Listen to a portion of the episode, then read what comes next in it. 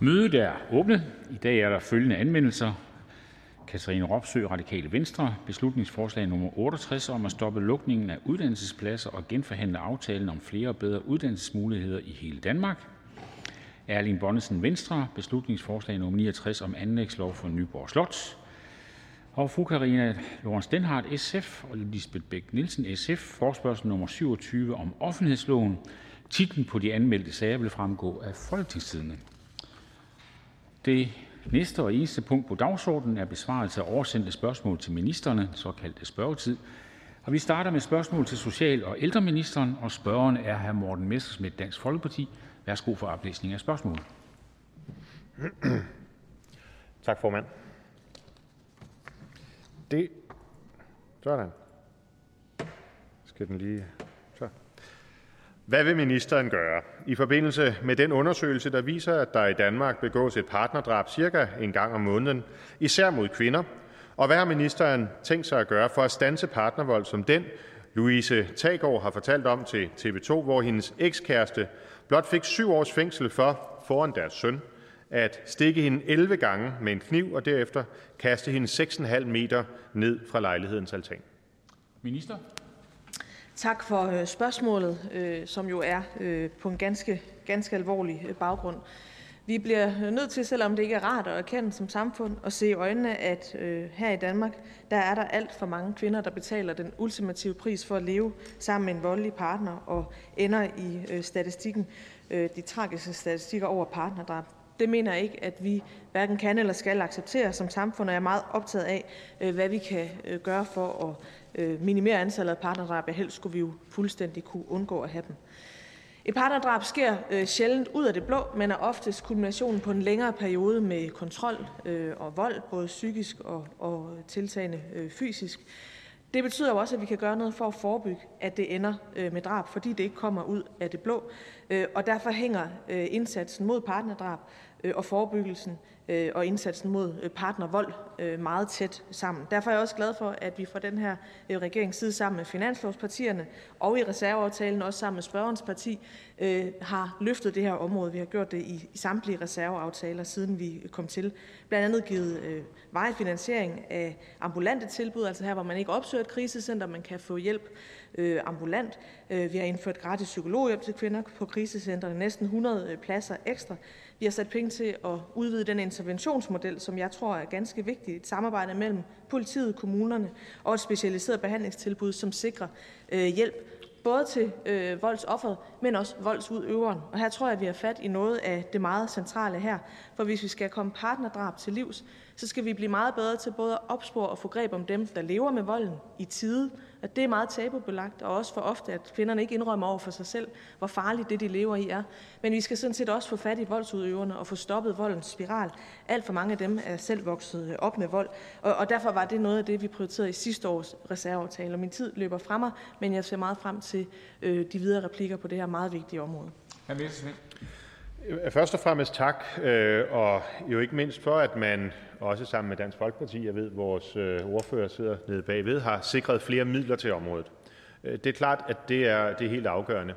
Men netop som ministeren siger, det er et for mange et tabubelagt område, måske også et område øh, fyldt med noget skam, at man ikke har lyst til at gå ud og sige til sine venner, sin familie, sine kollegaer eller pædagogerne nede i børnenes børnehave, at, at man har en, en voldelig partner. Og derfor er det jo ikke sikkert, at penge gør det alene. Øhm, jeg tror, vi skal fokusere meget mere på at få informationerne øh, ud til de jo især kvinder, som er fanget i et, øh, i et voldeligt forhold. Jeg kan sige, for mit eget vedkommende oplevede jeg det for et par år siden, hvor, øh, hvor øh, min søster, hun, det der holdt hende i et voldeligt forhold, det var i hvert fald en af tingene, at hun simpelthen ikke vidste, hvordan hun ville være stillet med sin lejekontrakt.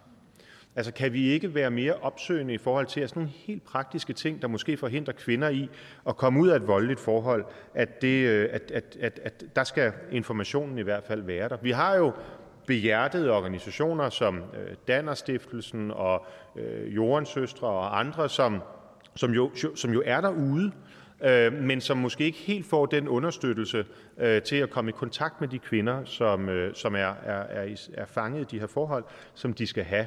Også i forhold til, hvordan vi kommunikerer øh, på tværs af myndigheder og på tværs af kommuner, der tror jeg altså, at vi kan blive bedre.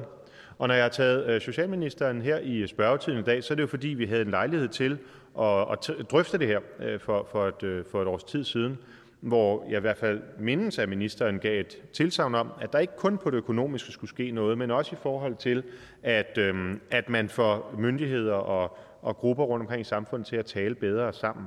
Og der kan jeg bare ikke høre, at der er sket så meget. Og derfor vil jeg gerne høre, at ministeren vil sige noget om det. Og så endeligt, og lige sidst med et forsvar, ud af tigger altså ikke her, så jeg aner ikke, hvor jeg er. Øhm, men bare lige det sidste. Øhm, strafniveauet. Den sag, vi oplever her, øh, Louise Tagårds øh, sag, hvor, hvor hendes øh, partner får syv års fængsel for at stukke hende 11 gange og kaste hende ud fra altanen foran deres søn, det er jo latterligt lav straf. Og jeg beklager, Messerschmidt, det er nemlig rigtigt. Vi konstaterer også herfra, at uret ikke fungerer, men det gør den heroppe. Udmærket. Øh, og jeg vil gerne forklare lige til tilhørende, det er sådan, at øh, i spørgetiden, der spørger man en minister om et helt konkret spørgsmål, og så har man først øh, øh, to minutter øh, fra ministeren og fra spørgerens side, og så går vi over til en par omgange med en halv minut. Og hr. Messerschmidt, jeg vil prøve at dirigere lige så stille og roligt. Jeg ved jo i hvert fald, at hr. Messerschmidt kan udfylde tiden. Sådan plejer det at være. Men nu er vi så kommet til et halvt minut, og så er det værsgo til svar til øh, indrigsministeren. Ja, for en gang skyld kan man så være lovlig undskyldt, at man ikke har styr på tiden. Det, det kan jeg ikke. Der er et ur, der tigger her hos mig. Øh, jamen, øh, øh også tak for, øh, for den aften i det tv-program. Det tror jeg ikke kan øh, overvurdere så meget. Det betyder, at der er nogen, der stiller sig frem og fortæller de her historier. Jeg har også selv haft lejlighed til at møde Louise i forbindelse med en tv-optræden, og hun beskriver også selv, hvordan hun efter hver gang hun har stået frem, får virkelig mange henvendelser fra kvinder, der får øjnene op for, jeg befinder mig faktisk i en farlig situation. Det her kan ende øh, jo rigtig, rigtig farligt, hvis ikke jeg får brudt med det her forhold. Og derfor er der noget i den brede oplysning. Men siden vi var i tv sammen, har en del af den aftale, vi lavede blandt andet med Dansk Folkeparti, prioriteret midler til, at også de fagpersoner, der kan støde på de her kvinder, sundhedspersonale, politi, kommunale medarbejdere, får en øget voldsfaglig viden. For det skal man jo have for at kunne spotte de her kvinder. Det er nemlig sådan, at ministerens ur fungerer, forstår jeg. Værsgo, hr. Messerschmidt.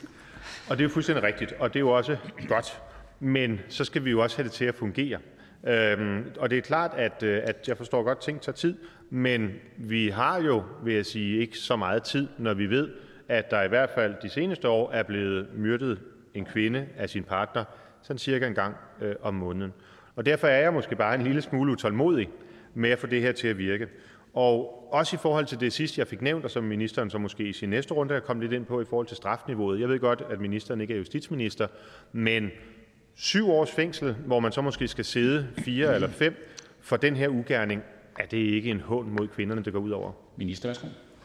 Tak for det. Jamen, jeg øh, deler jo fuldstændig spørgens utålmodighed, og derfor har voldsområdet også været en prioritet øh, på alle finanslovsaftaler, øh, inklusiv reserven for den her regering, og, og senest den aftale, som jo blandt andet afsætter midler til at styrke kommuner og frontaktørers viden omkring vold, fordi det kræver noget at kunne spotte også hvis en kvinde ikke selv erkender det, eller ikke vil indrømme det, eller måske er truet til ikke at være åben omkring, hvad der foregår bag hjemmes fire vægge, at kunne spotte det. Det er enormt vigtigt. Jeg mener selv, at øh, vi skal forhandle en ny handleplan mod vold her ved udgangen af året. Øh, jeg håber, at de øvrige partier vil være med til, at indsatsen mod partnerdrab kommer til at være en af de afgørende prioriteter i den plan. Hr. Messersmith, sidste spørgsmål. Værsgo. Det kan jeg, tror jeg, med sikkerhed sige på vegne af mit parti, at det er noget, vi meget gerne vil, øh, vil, vil indgå i. Det her det er et ekstremt væsentligt øh, Øh, nogle ekstremt væsentlige sager, og det er vigtigt at få gjort noget ved. Både det præventive, det opsøgende, men også straffedelen. Så min opfordring vil bare være, at man så også sørger for at få justitsministeren med øh, til de møder, så vi får hårdere straffe i, i sager om partnervold. Minister? Jamen, jeg ved, at det her også er noget, der optager øh, min kollega justitsministeren, der, øh, der jo øh, har plads her ved siden af mig, og, og, og går vi tilbage til 15. december, øh, der blev der indgået øh, en aftale om politiet og anklagemyndighedens økonomi, hvor der øh, var fire konkrete indsatser, der også har fokus på øh, jo både partnerdrab og, øh, og i høj grad vold, som, som jo i langt de fleste tilfælde er forløberen for, det ender så tragisk, som det gør i for mange tilfælde. Øh, jo blandet med en politigaranti i sager om vold, med specialiserede teams til sager om vold i nære øh, relationer, øh, nyt videre efteruddannelsestilbud øh, i politiet med mere. Og derfor blot for at sige, at vi er øh, meget optaget af det her, også på tværs af regeringen. Tak til hr. Messerschmidt, og tak til ministeren i første omgang. Men vi fortsætter med samme minister. Men vi lige prøve at se, om vi kan fikse uret dernede. Det vil gøre det lidt nemmere. Er der en knap, der kan trykkes på?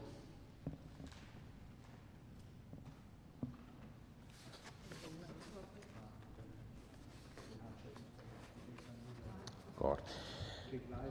Men Karina Ammitzbøll, det gør det på den måde, at jeg rejser mig op, og så kan man lige afslutte. Øh, ja. Vi prøver. Værsgo for af spørgsmålet. Tak for det, formand. Mener ministeren, at det er rimeligt, at familier, der har været udsat for grundløse underretninger, som har skabt tvivl om deres forældreevne, ikke kan få slettet underretningerne, selvom det er fastslået, at de er grundløse, som for eksempel i sagerne fra Fanø, der blev belyst i dokumentaren Mistænkt for livet, og sagen om en familie, der blev kaldt til samtale hos kommunen efter en jagtrejse? Minister. Tak for, øh, for spørgsmålet. Helt grundlæggende så mener jeg, at underretninger er et helt afgørende værktøj for de enkelte kommuner øh, til at opdage børn og unge, som mistrives og omsorgsvigtes og har brug for hjælp og støtte. Derfor så er det også vigtigt at slå fast, at en underretning er et udtryk for en bekymring for et barns trivsel og udvikling. Det er ikke en anklage. Og vi ved, at der i mange tilfælde er kommet en eller flere underretninger omkring børn, som ender med øh, at få fællesskabets hjælp, fordi de har brug for det. Derfor så er det også helt afgørende, at kommunerne reagerer på de underretninger, de modtager. Vi må aldrig havne der, hvor en bekymring for et barn, som rent faktisk har brug for hjælp, ikke bliver undersøgt ordentligt af kommunen. Når det er sagt, så er det klart, at en kommune ikke skal gå videre med en sag, hvis bekymringen i underretningen efter kommunens vurdering viser sig ikke at være begrundet. I de tilfælde skal kommunen sørge for at afslutte sagen og give familien klar besked om det, så de ved, at kommunen ikke går videre med sagen. Sådan skal det selvfølgelig være. For en familie skal jo ikke gå igennem lange sagsforløb hos kommunen, hvis en øh, rejst bekymring ikke er reel, øh, men derimod øh, helt grundløs. Det vil udover øh, jo generne for den enkelte familie også være spild af kommunens ressourcer, som i stedet bør øh, bruges og fokuseres der, hvor der er børn, der har brug for, at fællesskabet hjælper dem. Jeg anerkender, at opgaven med at håndtere underretninger i de enkelte kommuner ikke altid er lige til. Det kan være ganske komplekst, øh, også for garvede og kompetente socialrådgivere. Og derfor er jeg også glad for, at vi i fællesskab med aftalen om Børnene Først har sikret, at et partnerskab øh, bestående af centrale aktører på området skal se på, hvad er der af gode erfaringer med håndtering af underretninger, så kommunerne kan blive klædt endnu bedre på til den opgave, de har. Værsgo, spørg. Lad mig slå helt fast, at det her det handler ikke om, man er for eller imod underretninger. Det handler om, at man skal sikre sig, at der ikke er nogen familier, der bliver kørt over øh, i forhold til grundløse underretninger og chikanøse underretninger. Det har vi set, og det har vi været vidne til. Øh, og det har vi også set i den sag, som Jyske Vestkysten har skrevet om, netop i forhold til en dreng, der har været med øh, sin familie på jagt. Så jeg vil gerne spørge ministeren, mener ministeren, det er rimeligt, at den familie, sådan set skal have, være plettet i systemet, altså stadigvæk står i sagsakterne, øh, at der er indkommet en underretning, når den er betydningsløs, og den ikke har noget på sig. Hvordan vil ministeren selv have det? Altså, vi kan jo også selv øh, blive udsat for chikanøse underretninger. Det er der rigtig mange, der kan. Så der må jo være lidt balance i det i forhold til, hvordan sikrer man så, øh, at de familier, der bliver udsat for grundløse underretninger og chikanøse underretninger, at de ikke øh, har en plet i, i sagsakterne. Øh, og det må ministeren gerne svare på, om ministeren agter at tage nogle initiativer i den forbindelse, herunder også i forhold til retningslinjer. Øh, den her familie de blev indkaldt til en samtale på kommunen på grund af et billede, der var lagt op på Facebook. Altså, man må jo også lige kan se proportionerne i det her. Så hvad agter ministeren at gøre for at sikre familiernes retssikkerhed? Minister. Tak for det. Jamen, jeg mener faktisk, det er en grundlæggende del af familiernes retssikkerhed, at man kan se på en sag, at der har været en underretning, som har vist sig at være øh, grundløs, og derfor er henlagt. Det er jo øh, et værn for familierne også, hvis de bliver udsat for, øh, for gentagende øh, grundløse underretninger, at sagsbehandlerne kan se, jamen det har der været en forhistorie med på sagen. Øh, og igen, en underretning er jo ikke en anklage, og derfor kan jeg heller ikke tale om, at der er en plet, ligesom der kan være en plet på en straffetest, hvis man har fået en straf. Øh, derfor er det øh, helt grundlæggende, at man kan se oplysninger omkring øh, sagen i sagen, og det ikke slettes. Karina Asbøl, værsgo. Jeg forstår slet ikke, at ministeren ikke kan følge, at øh, mange af de her familier, øh, de, de føler, det er voldsomt. Det er voldsomt at blive kaldt til møde øh, på kommunen øh, på grund af en underretning, som overhovedet ikke har noget på sig. Og man må jo også, kan man sige, kunne se, for nu er det jo sådan, at øh, når man går i skole, så har fagfolk jo en forpligtelse. De har jo en skærpet underretningspligt. Så man må jo ligesom også kunne se proportionerne i det her. Øhm, så derfor øh, tror jeg ikke, at hvis du spørger de her familier, om at de føler, at deres retssikkerhed øh, den er øh, imødekommet, når de skal stadigvæk stå registreret tak. hos kommunen. Værsgo, minister. Øh, tak skal du have, øh, spørger. Jeg synes, tingene bliver blandet sammen her, øh, fordi en ting er vigtigheden og jo også sikringen og beskyttelsen af borgeren af, at tingene står på sagen, så man kan se, Kommer der en underretning, så kan man slå op og se, jamen den her familie har tidligere haft en grundløs underretning, øh, som kommunen lukkede øh, lukkede ned, for der var ikke behov for bekymring for barnets trivsel. Øh, det synes jeg er også en beskyttelse af familien, at det ikke slettes, men det er en del af historikken. Det vil jo som sagt kunne tale ind i en sag, hvor der var tale om chikanøse underretninger. Den anden del af diskussionen handler så om, hvor godt kommunerne er i stand til at lukke de grundløse underretninger ned, og det skal de være i stand til. Karina Ansbøl for det sidste spørgsmål. Værsgo. Altså, jeg, jeg kan ikke helt forstå ministerens svar. Altså, det vil sige, at øh, ministeren øh, har ikke nogen intention om at lave øh, om på det her system. Ministeren mener simpelthen, det er retssikkerhed for forældrene, at øh, de står øh, plettet i statsakterne på en underretning, der ikke har noget øh, på sig. Og selvom ministeren ved jo, at hvis der kommer en underretning mere, også en anonym underretning, så vil det jo næste skridt vil jo være, så vil folk jo tænke, nå, der var måske noget om sagen, og så vil de igen blive indkaldt til et møde, og så vil skolen og andre øh, aktører så skulle høres. Altså, jeg har snakket med nogle af de her familier, og de føler i hvert fald ikke, at deres retssikkerhed er imødekommet. Tak for det. Minister, værsgo. Nu henviser ordføreren til flere sager, hvor de pågældende kommuner har beklaget og erkendt, at de har handlet forkert. Øh, så derfor synes jeg ikke, at det er et godt billede på, hvordan øh, det generelt skal foregå derude. Øh, jeg kender ikke øh, den sag øh, fra alle sider, som, øh, som er den nyeste, spørgen henviser til. Men, men, men hvis, hvis man kun kigger ud fra det, spørgen refererer til, så vil jeg da sige, at det kan lyde som om kommunen har gjort mere ud af underretning, end hvad der var nødvendigt i det tilfælde. Og det er selvfølgelig vigtigt, at kommunerne håndterer underretningerne rigtigt, både når der er grundlag for bekymring for barnet, men også i det tilfælde, hvor der ikke er. Spørgsmålet er slut. Men vi fortsætter med spørgsmål til social- og ældreministeren, og fortsat fru Karina Adsbøl. Værsgo for oplæsning af næste spørgsmål. Tak for det. Hvordan mener ministeren, at man skal sikre, at underretninger ikke bliver anvendt som chikane, og mener ministeren, at systemet er godt nok, som det er? Ministeren. Tak for det. Jamen, mit klare udgangspunkt, øh, som jeg også sagde før, er, at en underretning er udtryk for bekymring for, om et barn eller en ung mistrives. Derfor så tror jeg også helt grundlæggende, at det vil være utrolig sjældent, at en pædagog, en skolelærer, en nabo eller andre indgiver en underretning for at genere andre borgere, øh, og ikke fordi de er oprigtigt bekymrede for et barns trivsel og udvikling. Underretninger er vigtige redskaber, som den enkelte kommune i høj grad anvender til at finde de børn, øh, som mistrives og omsorgsvigtes og har brug for hjælp og støtte. Det må være det afgørende, at vi kan få, øh, få fat på de børn og få sikret dem den rette hjælp. Når det så er sagt, så er jeg med på, at en underretning sagtens kan vise sig ikke at have noget på sig. Det tror jeg ikke kan undgås. Og der kan også være ganske få tilfælde, hvor en underretning anvendes som chikane, og det hører selvfølgelig ingen steder hjemme overhovedet. Derfor er det jo også så vigtigt, at den enkelte kommune laver en konkret og individuel vurdering af hver eneste underretning, som de modtager, så de kan finde ud af, om de skal gå videre med en sag eller ej. Og lad os lige holde fast i, at for overhovedet at kunne konkludere, om en underretning er grundløs, så kræver det jo altså, at kommunen forholder sig til bekymringen for et barn. Jeg ved, det er svært, det her det var også inde på i mit tidligere øh, besvarelse. Det er ikke altid lige til at foretage de her vurderinger, øh, og der er nogle greb, der er bedre end andre. Derfor er jeg også så glad for, at vi i vores fælles aftale om børnene først øh, har sikret, at et partnerskab af de centrale aktører her på området skal se på, hvilke gode erfaringer der er med håndtering af underretninger, så kommunerne kan blive klædt bedre på til opgaven. Karina Esbøl, værsgo. Ministeren svarer stadigvæk ikke på spørgsmålet. Altså, mener ministeren, det er rimeligt, at man i sagsakterne stadigvæk skal være øh, plettet af, at der er kommet en underretning? Ministeren kender jo godt systemet. Øh, hvorfor er det, at man ikke varetager øh, familiens retssikkerhed og siger, at der var ikke noget omkring det her, og så sletter det? Øhm, så derfor øh, vil jeg høre ministeren, om mener ministeren, det er rimeligt, at familien, der var kommet hjem fra en jagttur i udlandet, blev kaldt til samtale med kommunen på baggrund af familiens opslag på Facebook om, at sønnen havde skudt en impala? Minister. Vi kan jo ikke stå her og sagsbehandle en konkret sag, og jeg, jeg, hverken spørgerne eller jeg øh, kender jo nogle af de konkrete sager, der omtales i pressen fra alle sider. Vi kender fra den vinkel, der nogle gange kommer frem i pressen.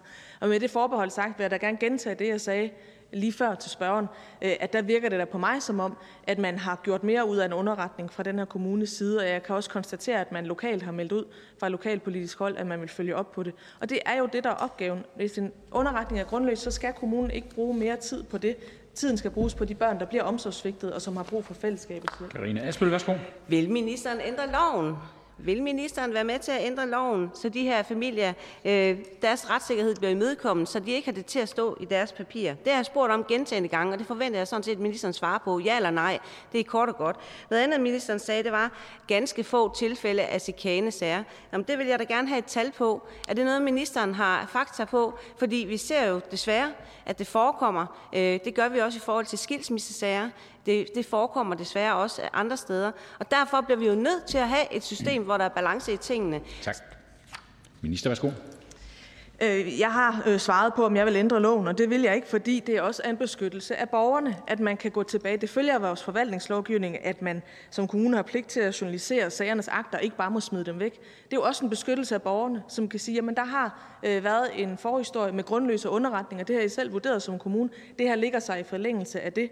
Så det er også en beskyttelse af borgerne, og det er ikke ligesom en plet på straffeattesten. En underretning er ikke en anklage. En underretning er et bekymring for et barn.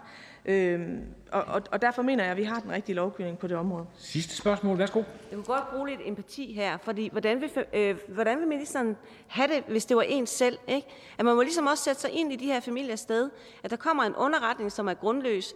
Øh, der kommer anonyme øh, underretninger, som er grundløse og det vil stadigvæk stå i systemet, selvom de var grundløse. Så ved vi jo godt, at der kan forekomme chikane, at der kan komme en ny underretning, og så går hele møllen i gang, og de bliver jo ikke renset, fordi der vil være et snart bagved at sige ting, der var måske noget omkring den underretning der. Så jeg må bare øh, konkludere, at ministeren ikke vil imødekomme familiernes retssikkerhed tak. i forhold til grundløse underretninger. Så er det ministerens. Det er en beskyttelse af borgerne, at kommunerne ikke bare kan slette i sagsakter, men at sagsakterne skal bevares. Så skal kommunerne selvfølgelig have en stærk faglighed, og der skal da ikke sidde en socialrådgiver og sige, uh, jeg har nok en eller anden fornemmelse af et eller andet, hvis der er øh, blevet afgjort, at en underretning var grundløs. Det er det, der skal dokumenteres i sagen, at der har været en grundløs underretning. Øh, det andet der, det har jo ikke noget med en social faglighed at gøre, at sige, så synes man nok det ene eller det andet.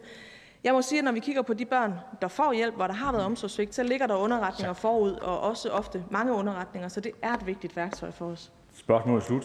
Tak til Karina Asbøl, og tak til ministeren. Vi går videre. Det næste spørgsmål er til skatteministeren af hr. Michael Åstrup Jensen. Og Michael Åstrup Jensen, det er sådan, at øh, tidsplanningen ved bordet ikke fungerer. Men indtil nu har vi jo klaret det ved, at jeg stille og roligt rejser mig, og så afslutter man den sætning, man er i gang med. Værsgo for oplæsning af spørgsmålet. Tak for det, formand. Og spørgsmålet lyder, mener ministeren, at det er rimeligt at annullere en virksomheds skatte- og momslån med videre under coronatiden på baggrund af en 8 år gammel fartbøde for en forseelse begået af virksomhedens direktør, når forseelsen er sket før virksomhedens oprettelse og uden at det har betydning for virksomhedens drift og ledelse? Minister? Ja, tak for øh, spørgsmålet. Jeg er meget glad for at få lov til at besvare det her spørgsmål. Og der bliver jo konkret spurgt ind til, om det er rimeligt, at en 8 år gammel fartbøde kan føre til udelukkelse fra øh, låneordningerne. Og lad mig bare lige slå fast. En virksomhed bliver ikke udelukket af låneordninger på baggrund af fartbøder. Uanset, uanset om bøden er givet af en politimand på stedet eller af en dommer ved en domstol, da en fartbøde ikke er en overtrædelse af skattelovgivningen. Vi har her i et bredt flertal i Folketinget øh, givet en historisk hjælpende hånd til øh, dansk erhvervsliv, danske virksomheder. Bare alene på skatteområdet, der har vi, har vi givet muligheder for forskellige likviditetsformer for 600 milliarder kroner. Vi har givet øh, 53.000 virksomheder muligheder for, uden nogen som helst form for kreditvurdering, at få rentefri lån i milliardklassen. En kæmpe stor indsats, som har gjort, at mere end 107.000 virksomheder kunne godkendes til lån og kreditter inden 12 bankdage. Forudsætningerne for det var meget klart skitseret i øh, det lovforslag, som også spørgerens parti øh, stemte for. Men det er bare vigtigt at få understreget her, at en virksomhed bliver ikke udelukket for de her låneordninger på baggrund af fartbøder. Og altså uanset om bøden er, om man vil, stange ud af en politimand, eller den er afgjort af en dommer, netop fordi at en fartbøde ikke er overtrædelse af skattelovgivningen. Det er bare for at slå det helt fast. Michael Olsen Jensen, værsgo.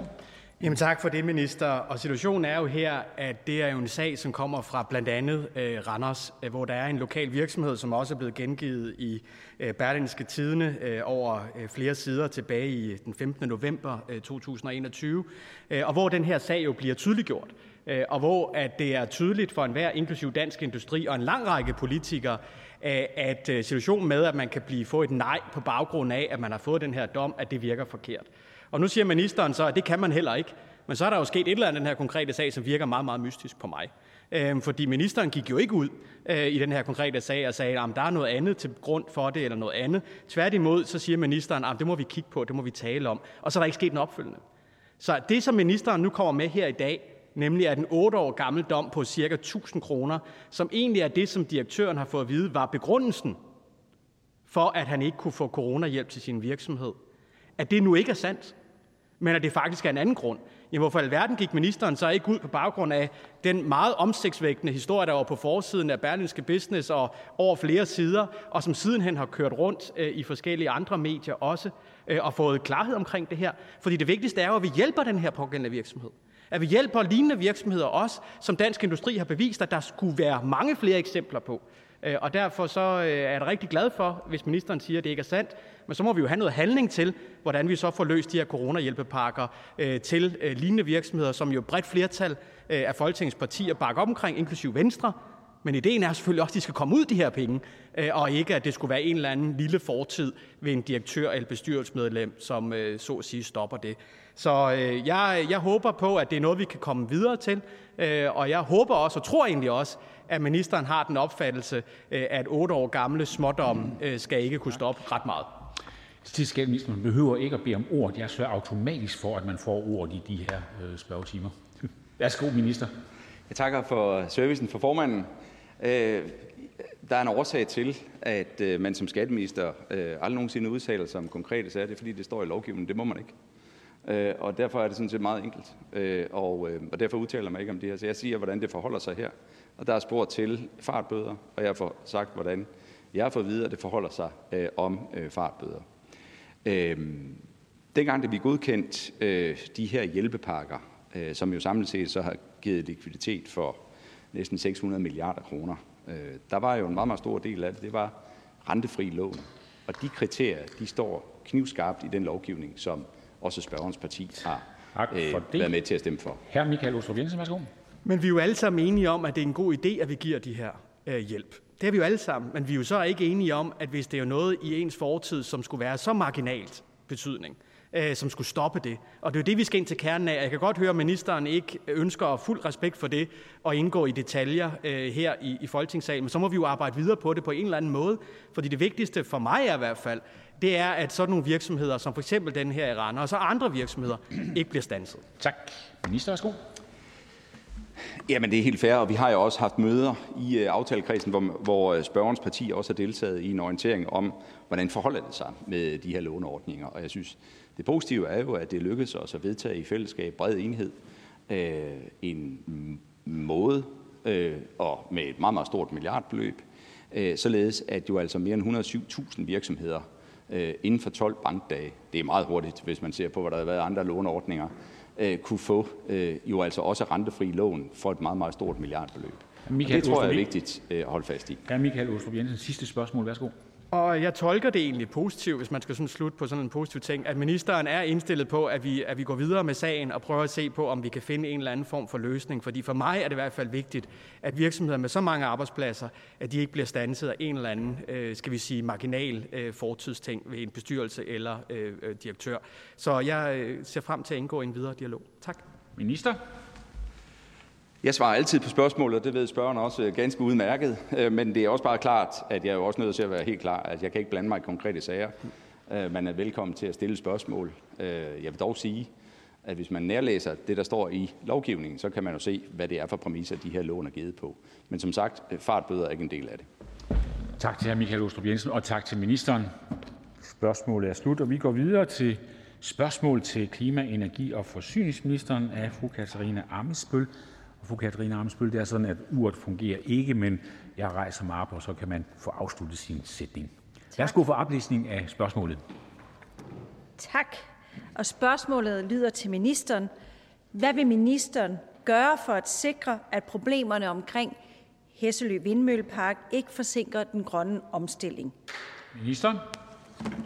Ja, tak for spørgsmålet, og tak for det, det gode samarbejde, ikke bare med spørgeren, men med hele forligskredsen generelt i forhold til øh, de forskellige udbygninger af vedvarende energi, som følger af, af den aftale, vi, øh, vi lavede om det øh, for i år.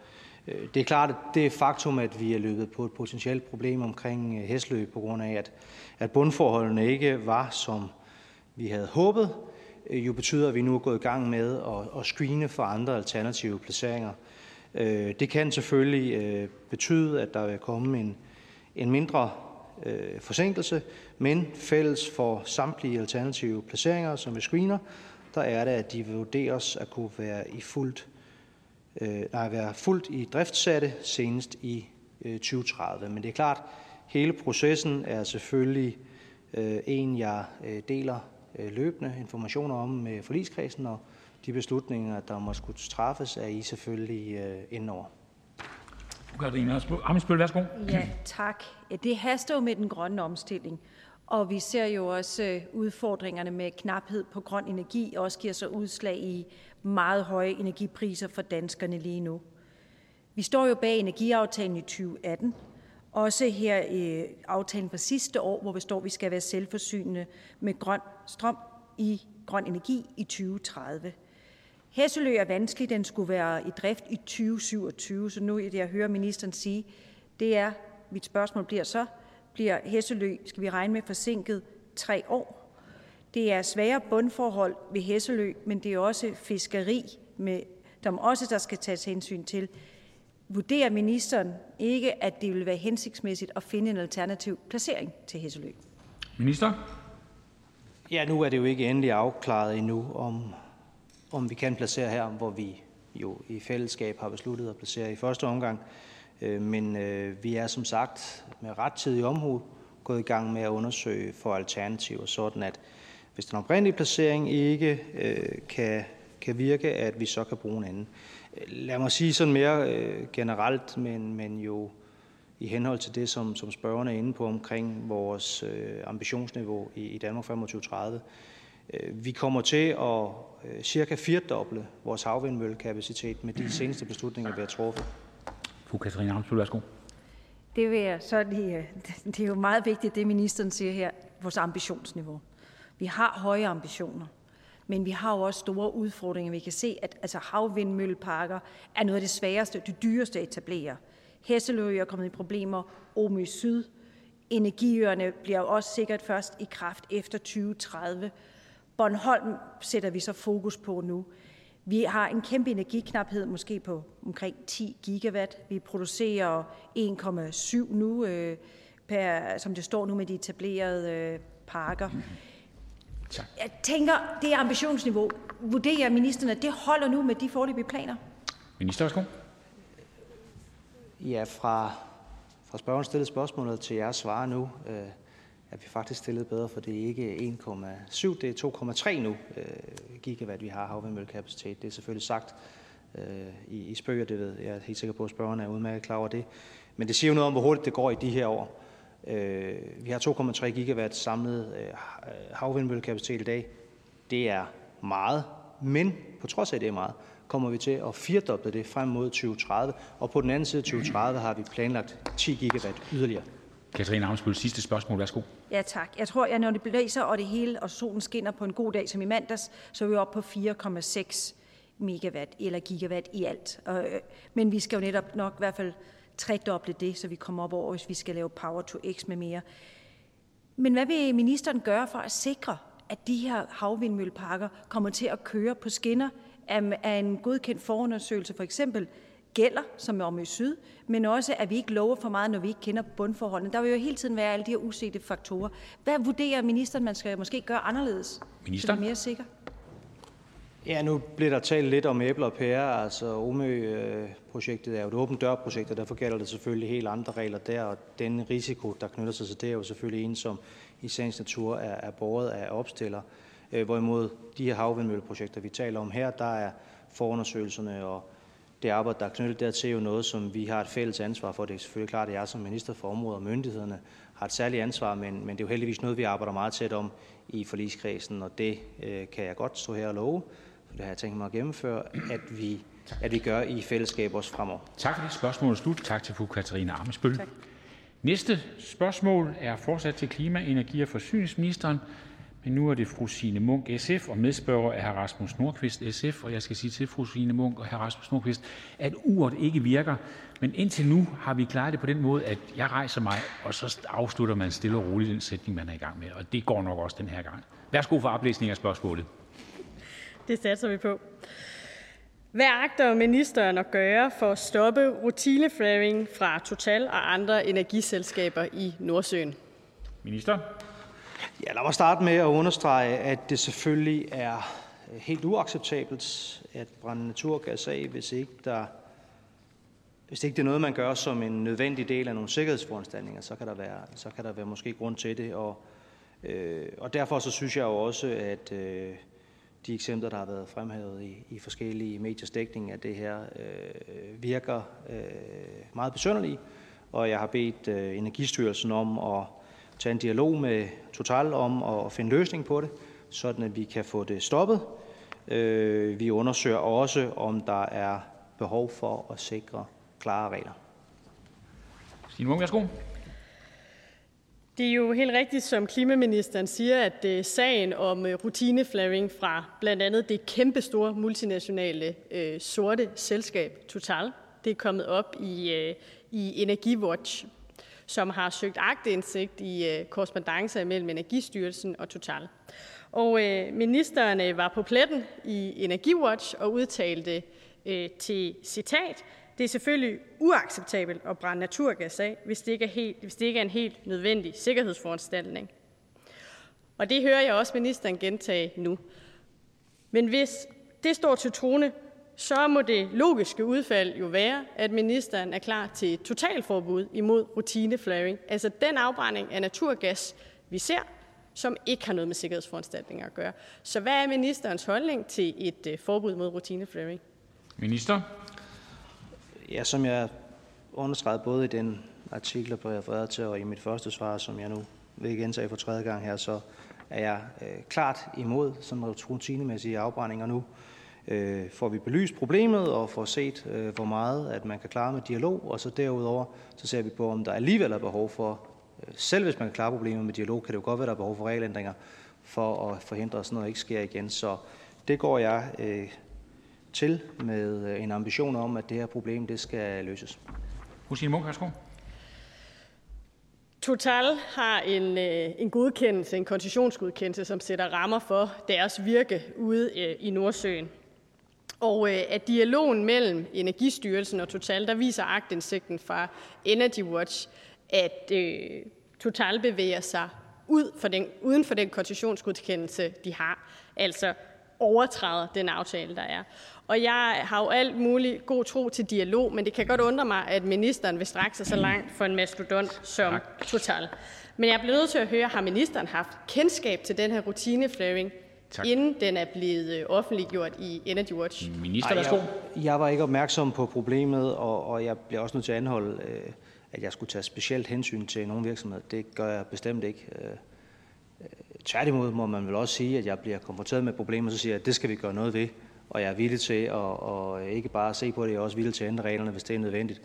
Det er vel svært at finde en ret meget mere offensiv tilgang til, til sådan et problem hos en minister, tænker jeg. Og så er det medspørger, hr. Rasmus Nordqvist. Værsgo.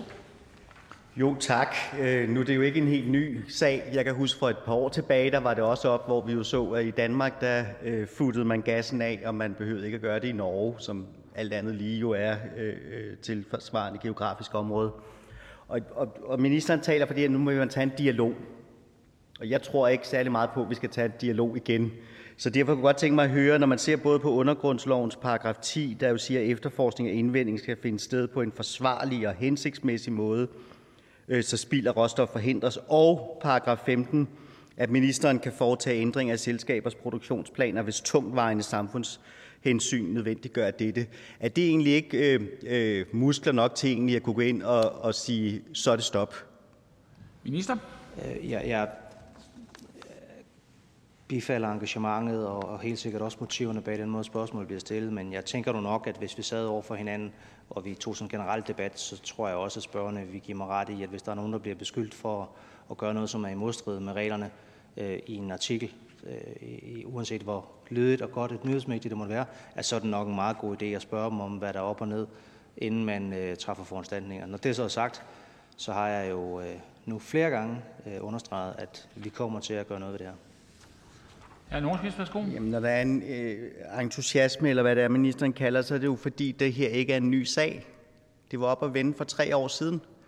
Og, og, og vi kan så se, at, at det her selskab vælger sådan set bare at køre videre, øh, og så bliver jeg, sku, øh, så bliver jeg forarvet over, at, at, at vi tillader det. Men jeg er da glad for at høre den handling. Hvor lang tid vil man vinde på den her dialog, før man skrider til og lave regler, som man har i andre lande, der jo sætter øh, tydelige grænser for, øh, hvordan man må producere gas?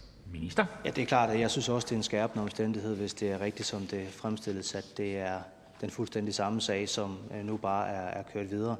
Øh, jeg kan ikke give en præcis dato, men jeg kan sige, at vi arbejder så hurtigt som muligt med at få belyst de her ting. Det skal siges, det handler ikke kun om dialogen med selskabet, det handler også om, at jeg er blevet oplyst om af mit embedsværk, at det er øh, ret kompliceret øh, rent regulatorisk, det her også i forhold til EU-lovgivning og andet. Det er ikke noget argument for ikke at gøre noget, det er bare et argument for, at det er nok lidt vigtigt, at vi lige er forberedt. Husine Munk for det sidste spørgsmål.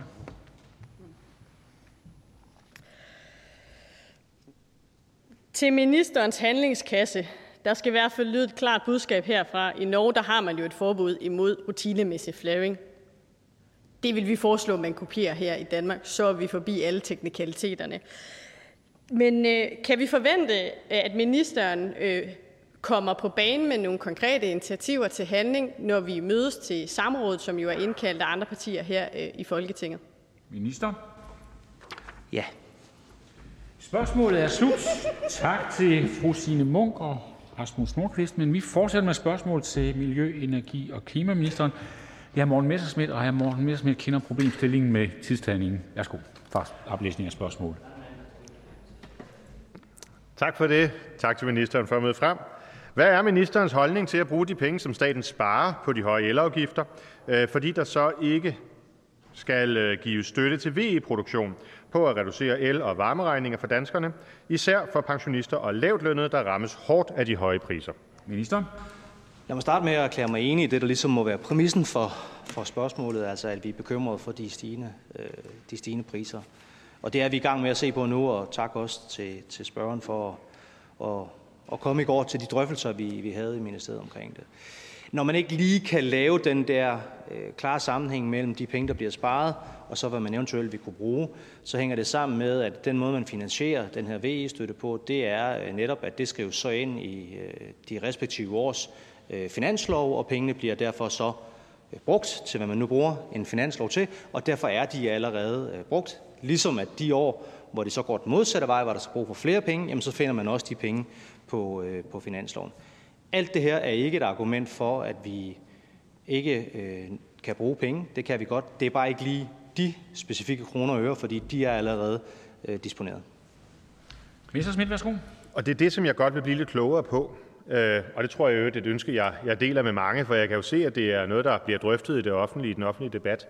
Altså det tal, der har været fremme, det er, at man skulle spare 2,7 milliarder, Øh, fordi øh, elprisen for tiden er så høj, at man simpelthen ikke skal give støtte. Øh, og det er jo i sig selv en god nyhed, at man ikke skal give støtte. Det er så en dårlig nyhed, at det er forbrugeren, der bliver straffet, og i øvrigt også jo virksomhederne. Så siger ministeren, som jeg hørte, at jo, men de 2,7 kan man ikke bare tage, fordi det kan jo være, at vi skal bruge dem på et senere tidspunkt, når elprisen bliver lav, og så er det lige pludselig brug for støtte. Og hvis det er det, der er sagen, det kan jeg se, at ministeren ryster på hovedet, så vil jeg gerne bare sige, kan man, eller høre om, kan man ikke se lidt frem i tiden? Altså nogle af de øh, beregninger, jeg har set på, hvad man forventer til gasprisen og elprisen osv. de kommende år, de viser jo desværre ikke, øh, at vi sådan øh, nært forestående vender tilbage til de lave priser, vi har kendt sidste år eller, eller året forinden. Men derimod, at priserne i en periode altså vil ligge noget højere. Og det må jo alt andet lige betyde, så kan det godt være, at det ikke er 2,7 milliarder, men i hvert fald en sel del af de penge, der er sat af på finansloven til at støtte VE, jamen de bliver så ubrugte. Og derfor kunne jeg godt tænke mig at høre, om ministeren dels så kunne forklare, hvad, hvad det er for nogle penge, der, der er til rådighed, og i hvert fald, hvis man baserer sig på den prisfremskrivning, som Energistyrelsen lægger for dagen, hvad er så beløbet, hvis det ikke er 2,7 milliarder? Minister?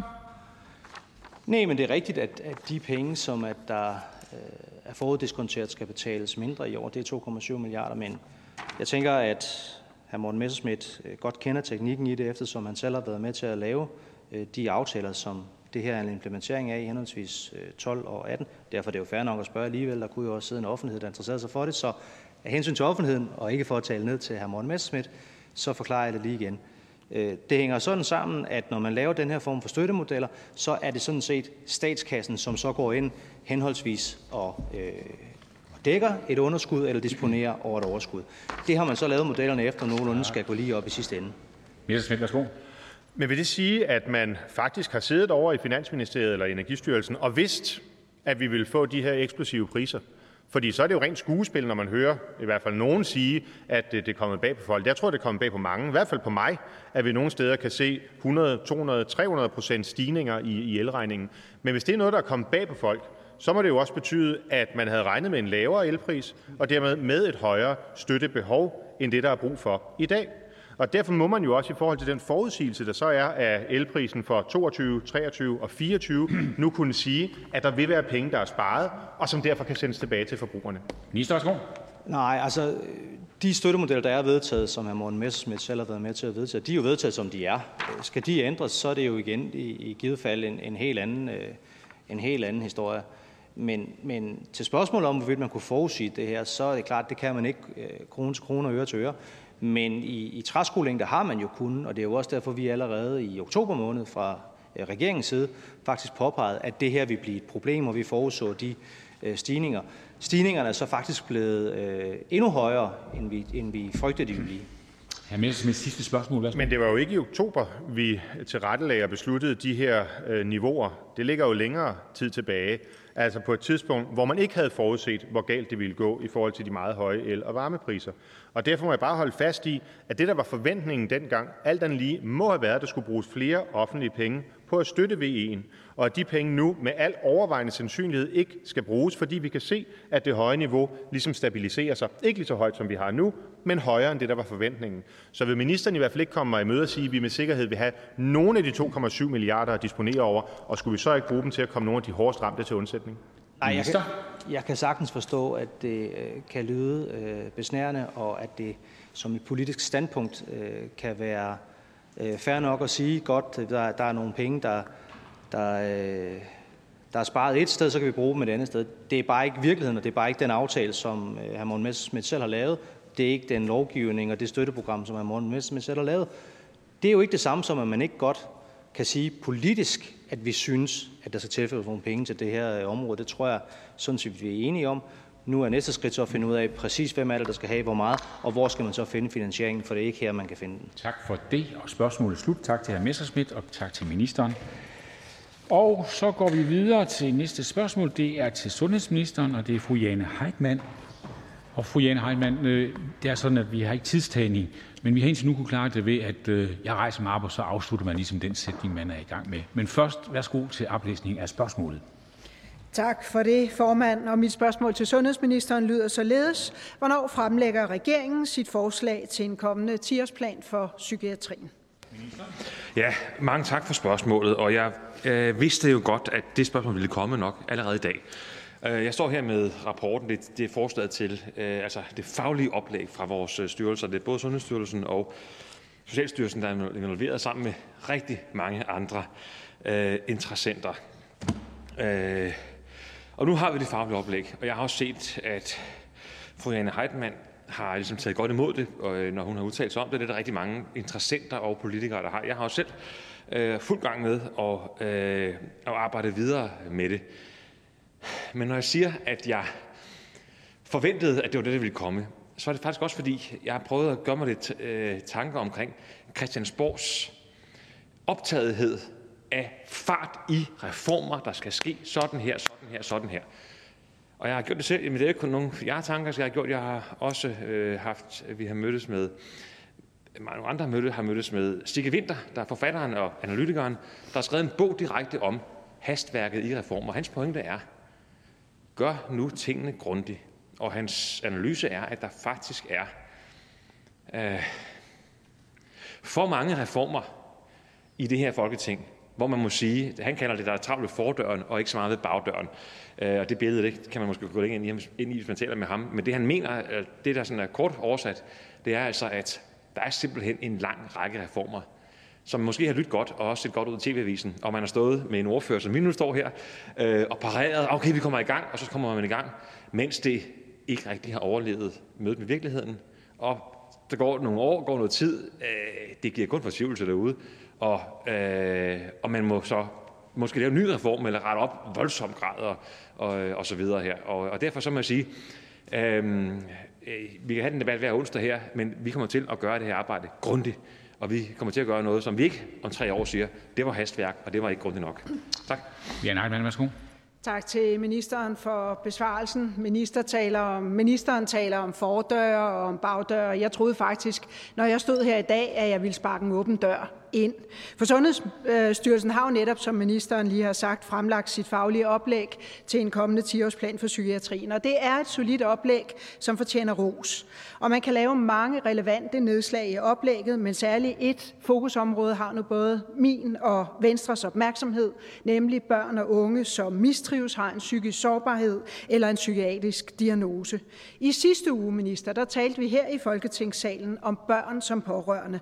Børn, som overses, når mor eller far bliver alvorligt syge eller dør. De børn og deres familier er hårdt prøvet, og de fortjener en målrettet indsats. I Region Hovedstaden der er antallet af henvisninger til børne- og ungepsykiatrien under corona steget med 27 procent. Det er børn med stress, angst, depression, OCD, selvskade og selvmordstanker. Det er alvorligt, ikke kun for børnene og de unge, men også for familierne, som er kede af det, frustrerede over den manglende hjælp og de lange ventelister. De er slidte, og det er fuldt forståeligt, for det er ikke nemt for en familie og få hverdagen til at hænge sammen, alt imens et barn har store psykiske udfordringer eller mistrivselsudfordringer. De fortjener alle sammen hurtig hjælp og en målrettet indsats, så familierne igen kan få hverdagen tilbage. Jeg har både før Sundhedsstyrelsens faglige oplæg blev præsenteret, og også efter præsentationen af det faglige oplæg i mandags holdt møder og været i dialog med et bredt udsnit af foreninger, faglige selskaber og private personer. Og fælles for dem alle sammen er, at de ønsker handling nu. Ministeren har jo tidligere tilkendegivet i et folketingssvar, at de tusindvis af børn og unge, som oplever, at mor eller far bliver alvorligt syge eller dør, de skal prioriteres med en forebyggende indsats og behandling i den kommende 10-årsplan for psykiatrien. Og derfor er mit spørgsmål til ministeren. Hvornår indkalder ministeren til politiske realitetsforhandlinger om en ny 10-årsplan for psykiatrien? Tak. Minister, værsgo. Ja, tak for den tale. Øh, den var jo skrevet, før jeg kom med mit svar, kan jeg næsten regne ud, fordi øh, der var ikke nogen refleksion på det, jeg, det, jeg, det, jeg sagde her. Det var lidt ærgerligt jo. Øhm, øh, den her regering har prioriteret psykiatrien. I den allerførste finanslov leverede vi et varigt løft på 600 årligt, 600 millioner kroner årligt, som man kan gå ind og se i budgetterne i regionerne inde på de psykiatriske afdelinger, at det er blevet til løft og bliver til løft, bliver til udbygninger konkret og til øh, øh, løft i de forskellige dele af, af psykiatrien. Så vi har øh, prioriteret øh, psykiatrien allerede for vores første øh, finanslov. Fru Jan Heitmann. Jamen altså, reflektere, reflektere. Det undrer mig sådan set over, at ministeren ikke har reflekteret over mit spørgsmål, nemlig, hvornår kommer regeringen med deres udspil til en 10-årsplan for psykiatrien? Regeringen gik til valg på en ny 10-årsplan for psykiatrien, så det er jo ikke noget, der pludselig er poppet op. Og det undrer mig sådan set nu, når vi har ventet to og et halvt år på det faglige oplæg, at regeringen så ikke nu, som jeg sagde indledningsvis, at jeg ikke står her og sparker en åben dør ind, og ministeren kan sige til de tusindvis af børn, unge og familier om kort tid, om den dag, i den måned, der tager vi ansvar og lægger vores forslag frem. Minister, værsgo. Ja. ja. Ja, og det er måske så en, simpelthen en forskellig syn, vi har på øh, politik. Så vil jeg, jeg vil virkelig anbefale, altså hvis hun er færdig med at læse den her bog, øh, undskyld, det, det her, den her rapport fra øh, Sundhedsstyrelsen og Socialstyrelsen og alle de arbejder, der er, og man er færdig i Venstre med at gøre sig de tanker, der skal til, hvordan implementerer vi det i konkret politik. Hvis man allerede er færdig med det efter en uge, samtaler med folk og alt andet, øh, og har lavet det op til en, en konkret, øh, hvordan en 10-årsplan for psykiatrien skal se ud, i politisk skridt for skridt. Så synes jeg, man kan tage en samtale med omtalte øh, Sigge Vinter og få et snak om, hvordan man egentlig laver reformer, som også holder mødet med virkeligheden og holder os til, at man kigger på det om fem år. Jan Heitmann, sidste spørgsmål. Jamen, jeg taler gerne også med ministerens forfatter om udfordringerne i psykiatrien, og jeg synes måske i virkeligheden, at ministeren har lige skulle prøve at sende tankerne tilbage til Kim Larsen, som jo sagde, at øh, men så en dag gik jeg op til ministeren og sagde, du der, få lige fødderne ned og tag hatten af. Mand, kan du ikke se, at det hele er ved at gå fuldstændig agurk? Og sådan er det jo med psykiatrien. Og jeg tager hatten af for, at ministeren han taler med forfattere og alle mulige andre. Men jeg tror, hvis jeg skal være helt ærlig og hånden på hjertet, så det, der er brug for derude, det er nu, at regeringen handler. At ministeren han lige kigger ud fra fjerde sal i ministeriet og ser, hvad er det, der er brug for derude tak. for de tusindvis af børn og unge. Så er det minister. Værsgo. Ja, ja tak for det. Ja. Øh, den her regering har jo netop handlet. Som jeg var inde på med tidligere svar, så har vi i vores første finanslov leveret et varigt stort løft på 600 millioner kroner varigt til vores psykiatri. Altså et markant skridt over det, som den tidligere regering øh, øh stod med. Et markant skridt, som nu er bliver blive brugt til blandt andet udbygninger, flere sengeafsnit øh, med mere. Og derudover har vi jo så bestilt et fagligt grundigt oplæg til at kunne lave, lægge ovenpå, nemlig en 10-årsplan for psykiatrien. Og vi har snakket lang tid, men jeg er nødt til at insistere på, at det skal være fagligheden, vi hviler det her på, og det er det arbejde, der sker nu. Så er spørgsmålet slut. Tak til fru Jane Heitmann, og tak til sundhedsministeren. Og det betyder, at vi går videre, men nu er det til spørgsmål til udlænding og integrationsministeren, og det er hr. Markus Knudt, konservativ folkeparti. Hr. Markus Knudt, det er sådan, at øh, tidstagningen ikke fungerer.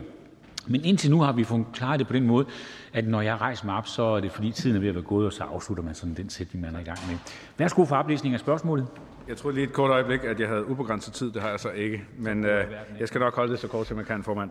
Øh, mener ministeren, at det er udtryk for god integration, når to studerende får 25.000 kroner hver i kompensation, efter en skole ikke ville acceptere deres afvisning af at give hånd til personer af modsat køn i forbindelse med praktik i led som læreruddannelsen? Minister, værsgo. Tak for spørgsmålet, og det korte svar er vel nej. Øh, men jeg kender kun sagen fra en artikel i Jyllandsposten, og jeg vil for en god ordens skyld nævne, at ligebehandlingsnævnet og reglerne på området hører under beskæftigelses- og ligestillingsministeren. Men ingen skal være i tvivl om hverken min eller regeringens principielle holdning på det her spørgsmål. Indvandring fra lande omkring Mellemøsten har ført til og fører stadig til kultursamstød med det danske samfund. Og samfundet har for ofte bøjet af i stedet for at stå fast. Og vi kan fra Christiansborg lave nok så mange regler, men de nytter jo ikke, medmindre man også lokalt står fast på de værdier, der har været bærende i det danske samfund i mange år. Og det er en dansk værdi, at man kan hilse på hinanden ved at give hånd, uanset køn, mand som kvinde, høj som lav. Sådan gør vi nu engang har gjort det i mange år. Jeg har ikke noget udsat på de offentlige institutioner, der tager ansvaret på sig og holder fast i, at vi behandler folk ens. Tværtimod, de fortjener ros, og de fortjener opbakning. Især de institutioner, som har en rolle i at forme vores børn. Man skal ikke kun have demokrati og ligestilling ind med modermælken, man skal nok også indstille sig på, at det hører også til skolemælken. Og jeg synes ikke, vi skal acceptere, at en person ikke vil give hånd til en person af det modsatte køn, og at vi stadig kan se eksempler på, at det skaber konflikter. Det er kun et bevis på, at vi stadig står i begyndelsen af den værdikamp, vi har talt om i et stykke tid. Hr. Markus Ja, tak. Og jeg er glad for ministerens tilgang, fordi det, jeg frygter her, er jo, at det kun er, er, er toppen af, af isbjerget. Hvis man øh, keder sig og gerne vil være i dårlig humør, så kan man gå ind på ligebehandlingnævnets hjemmeside og se nogle af de sager, der har været, blandt andet også om en muslimsk pige, der klagede til nævnet over at skulle danse langer eller lærerlanger i sit gymnasie, for der skal man jo også holde i hånd. Det mente hun ikke, at, øh, at hun skulle.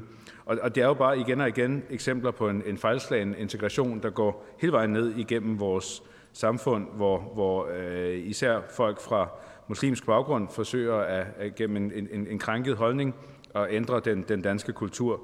Øh, og nu er ministeren jo, jeg er godt klar over, ikke øh, ligestillingsminister, men integrationsminister. Det her er jo en afspejling af, af en fejlslagen integration, altså gennem mange år. Jeg er godt klar over, at det her er som at vende en, en, en olietanker. Jeg er godt klar over, at ministeren ikke har sådan en, en snuptagsløsning. Men, men helt overordnet, når, når, når ministeren ser de her sager, hvad, hvad har ministeren for integration tænkt sig at gøre for, for at prøve at vende den her supertanker? Minister? Jeg tror måske, det er vigtigt at sige til at starte med, at hvis man tager til et stort muslimsk land, Tyrkiet for eksempel, og giver hånd til kvinder, så er det fuldstændig uproblematisk. Sådan er det jo for langt, langt, langt de fleste muslimer her i verden. Fuldstændig uproblematisk. Så jeg betragter det sådan, at der er en lille, meget hård ideologisk kerne, der forsøger at presse sine egne værdier et skridt frem og tvinge de danske værdier et skridt tilbage ved at insistere på, at man ikke skal give hånd. Og der tror jeg også bare, det er vigtigt, at vi får sagt her fra parlamentet, at det er ikke noget, vi betragter som et generelt problem med muslimske medborgere. Det er en lille kerne, der prøver at skubbe ligestillingen tilbage. Markus Knudt, værsgo. Tak, men det er jo desværre en, lige kerne, en lille kerne, som blandt andet bruger ligebehandlingsnævnet og får opbakning fra ligebehandlingsnævnet. Jeg var jo glad for at se, at Socialdemokratiet var i, i medierne og sige, at de var egentlig enige med skolen. Men hvis jeg var en helt almindelig skole, og der var faldet den her dom i ligebehandlingsnævnet, så ville jeg jo være bange for, jamen, hvad skal vi så gøre næste gang, der er to muslimske øh, elev eller praktikanter, der, der nægter at give hånd. Og så risikerer man jo, at pludselig spreder der sig en, en norm i skolerne, at man ikke behøver at give hånd. Så, så helt konkret, udover at sige, at man bakker skolen op, hvad vil ministeren gøre for at, at sikre, at skoler følger det, regeringen siger, og ikke det, ligebehandlingsnævnet siger? Minister? Jeg skal måske starte med at sige, at jeg ved ikke, om skolen eller den kommune, som skolen ligger i, har indbragt sagen for domstolene. Den mulighed er der jo. Øh, og jeg kan også forstå, at noget af den lovgivning, som øh, der henvises til, er EU-lovgivning. Det betyder jo ikke, at det kan ændres. Det betyder bare, at det ikke er noget, vi kun kan ændre her i Folketingssalen. Ja. Markus Knudt, Jamen så, øh, og ironien ligger jo lidt i, at øh, 9 ud af de 11 medlemmer af ligebehandlingsnævnet er jo faktisk udpeget af ligebehandlingsministeren, så måske vi selv har været med til at skabe det problem. Nu ved jeg godt, at de selvfølgelig skal være politisk objektive, men det er jo lidt mærkeligt, hvis et flertal i Folketinget mener, at, at den afgørelse, der har været, i hvert fald er man på skolens side og ikke på, på de her to personers side. Men nu har vi jo indkaldt ministeren i samrådet, så vi får mulighed for at fortsætte den her dialog. Så jeg vil egentlig bare opfordre ministeren til måske også at prøve at tage en god og grundig snak med både ligestillingsministeren og undervisningsministeren, for at sikre, at det, man siger tak. i medierne om, at skolen har ret, er den vej, det bliver fremadrettet. Minister, værsgo. Tak. Ja, jeg kan se, at ligestillingsministeren er indkaldt i samrådet, og det synes jeg er rigtig godt, hvor man også lige kan komme et spadestik dybere i diskussionerne. Og det, der i hvert fald vil være min og regeringstilgang, det er, at de offentlige institutioner, som vi har, de skal også forsvare de værdier, demokratiets værdier og ligestillingen. Og vi kan ikke detaljregulere alting her fra Folketingssalen, og derfor, bliver vi nødt til at insistere på, at de konkrete skoleledelser, daginstitutionsledelser, ledere af svømmehaller, jobcenter og andre, de skal også bære demokratiets værdier i sig og implementere dem i den konkrete institution. Og når de så gør det, så skal de have opbakning og ikke et slag under nallerne. Tak. Spørgsmålet er slut. Tak til hr. Marcus Knudt. Tak til ministeren. Og så kan vi gå videre til det sidste spørgsmål som er til uddannelse- og forskningsministeren, og det er hr. Jens Henrik Thulesen Dahl, Dansk Folkeparti, og hr. Jens Henrik Thulesen Dahl. Tidstagningen fungerer ikke, men jeg rejser mig op, og så gør man sætningen færdig, når tiden er gået. Værsgo for oplæsning af spørgsmålet. Tak. Er ministeren enig i, at der er behov for forbedringer af den specialpædagogiske støtte, SPS, for studerende med handicap på videregående uddannelser, blandt andet i lyset af debatten ved behandlingen af hasteloven om SPS i juni 2021? Minister. Tak for spørgsmålet til hr. Jens Henrik Thulesen Dahl. Øhm, der skal være gode muligheder for, at studerende med funktionsnedsættelser øh, kan deltage på en videregående uddannelse på lige fod med andre øh, studerende. Det er den specialpædagogiske støtte en væsentlig del af, og det er mit indtryk, at SPS-ordningen øh, overordnet set er øh, velfungerende. Siden debatten ved behandlingen af hasteloven i juni 2021, som der bliver refereret til i spørgsmålet, øh, har jeg søgt Øh, ordførernes opbakning til at permanentgøre den midlertidige lovgivning, øh, så studerende med funktionsnedsættelse heller ikke fremover risikerer at miste retten til støtte, når de stadig er indskrevet øh, på deres uddannelse. Det er der givet opbakning til, og i den nærmeste fremtid kan vi fremsætte det nødvendige lovforslag. Det forventer jeg, at vi kan i, i næste måned, og skabe den sikkerhed og afklaring. Ved debatten i juni blev der peget konkret på oplevede udfordringer med sagsbehandlingstider. Dertil har styrelsen oplyst, at den gennemsnitlige sagsbehandlingstid for de SPS-ansøgninger, hvor tildelingerne er baseret på manuel sagsbehandling, var 19 dage i 2020. Hvis de automatiske tildelinger medtages, var den gennemsnitlige sagsbehandlingstid i 2020 øh, helt ned på, øh, på, øh, på syv dage. Jeg er optaget af, at vi sammen skaber bedre rammer for studerende med funktionsnedsættelse. Jeg er derfor også meget glad for, at min forgænger i maj 2021 indgik en god handicappolitisk aftale med et bredt flertal i Folketinget, hvor i der blandt andet blev afsat midler til et forsøg med helhedsorienterede øh, studieplaner. Jeg ved, det er en, en sag, ordføreren går, går meget op i. Øh, jeg ser frem til den fælles opsamling på aftalen, som skal finde sted, øh, og den videre drøftelse øh, i februar, hvor partierne er, er indkaldt til, hvordan vi bedst kan forbedre forholdene for studerende med funktionsnedsættelse. Det er vi, det er vi enige om er, er vigtigt. Tak for Spørg, værsgo. Jamen tak for det, Øh, og tak for svaret. Og det er jo rigtigt, at øh, der er gang i nogle ting, og det, det synes jeg i Dansk Folkeparti også er rigtig, rigtig godt. Men i forbindelse med den debat, vi havde tilbage i juni, hvor det var en hastelov, fordi der var en administration af reglerne, som ikke fulgte reglerne, øh, og for at sikre, at, at de studerende faktisk fik den hjælp, som, som vi alle sammen var enige om, de burde have, så lavede vi selvfølgelig hasteloven. Og vi bakker også op om den lovændring, som ministeren har lagt op til her i efteråret, som permanent gør det. Men, men det, jeg egentlig gerne vil spørge ind til, det er, at i debatten i juni, der blev der fra flere sider øh, nævnt et behov for at se, se på SBS som sådan, og se på andre justeringer. Øh, og på daværende tidspunkt, der sagde den daværende minister, at øh, hele den her øvelse går netop ud på at sige, at det, som man som studerende har oplevet gennem de senere år, også er det, vi fastholder ved at administrere efter i den kommende tid. Nu får vi lovhjem til det, tak for det. Men så giver vi også håndslag på, at når den midlertidige lovhjemmel udløber, så sætter vi os politisk sammen og finder en varig løsning på den her ordning. Og ja, det er da min indstilling, at vi tager udgangspunkt i det, der er gældende i dag, men jeg vil nødig foregribe de samlede forhandlinger og de samlede drøftelser om det, for jeg kan også høre, at der er forskellige ordfører, der gerne vil bære andre ting ind og have en bredere drøftelse af det, og det synes jeg, der skal være plads til. Da så ministeren i efteråret kommer med oplæg til den permanentgørelsen, så gør jeg også opmærksom på, at vi havde den her drøftelse, og tilbagemeldingen fra ministeren er, at, at det er så ikke noget, man har intention om at tage med i den lov, som vi så kommer til at behandle inden så længe. Og derfor så efterlyser jeg lidt, at når jeg hører ude fra studerende, der har svært ved at være sikre på, at de kan få hjælpen fra de starter på studiet, øh, der kan være usikre på, om de kan sætte hjælp med videre fra den ene uddannelse til den anden, eller mellem retninger på uddannelsen, så har jeg brug for, at vi får den diskussion af, hvordan gør vi det her bedre. Øh, og det er derfor, jeg gerne vil have ministerens svar på, at når vi tak. ikke putter det ind i den lovgivning, vi behandler lige om lidt, tak. hvornår får vi så mulighed for at behandle det? Minister? Øhm, jeg vil sige sådan, at, øh, at jeg meget gerne indgår i dialog med ordførerne, øh, hvis der er nogle konkrete forhold ved ordningen, som man mener kan forbedres. Øhm, og der bliver en mulighed i, i februar i forbindelse med opfølgningen på, på den handicappolitiske aftale, hvor vi jo konkret der også kan tage emner op, der har relation til, til emnet her. Det kan vi sagtens, og jeg vil også øh, bare minde om, at jeg gjorde klart i forbindelse med øh, tilkendegivelsen om fremsættelsen af permanentgørelsen af det, vi er enige om, det lovforslag, der er på vej, øh, jo ikke overhovedet udelukket, at vi kan tage videre drøftelser om det. Så jeg tager gerne imod konkrete øh, eksempler eller forslag, og så kan vi drøfte dem. Jens Tusinddal, værsgo. Jamen det er jeg jo selvfølgelig glad for at høre, men jeg mangler stadigvæk, at vi kommer et øh, skridt videre. Fordi jeg har jo for nylig stillet ministeren spørgsmål om, om ministeren ikke mente, der var behov for en evaluering af SPS-ordningen på de videregående uddannelser, på samme led som den er lavet på ungdomsuddannelserne. Og der svarer ministeren, at øh, sådan lidt vævende, men, men grundlæggende, at det er der ikke behov for.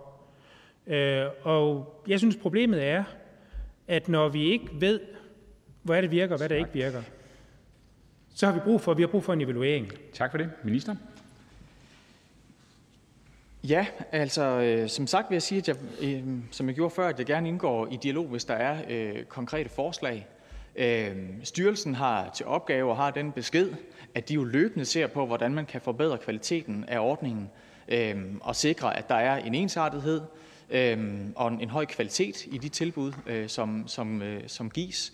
Øh, og er der behov for at se på yderligere eller på en en klargøring af, at man jo altså godt kan tage med til andre uddannelsestilbud også, hvis først man er tildelt en støtte, øhm, så, så gør vi det gerne. Jeg ser ikke en stor politiske øh, konflikt her. Tak for det. Sidste spørgsmål. Værsgo, Jens Rik Tusinddal. Jamen, så vil jeg egentlig gerne bare sige, om vi kan blive enige om, at vi, når vi nu skal lave justeringen på lovændringen, også får givet en sikkerhed for, at de studerende kan have den hjælp, der er nødvendig fra første dag på studiet.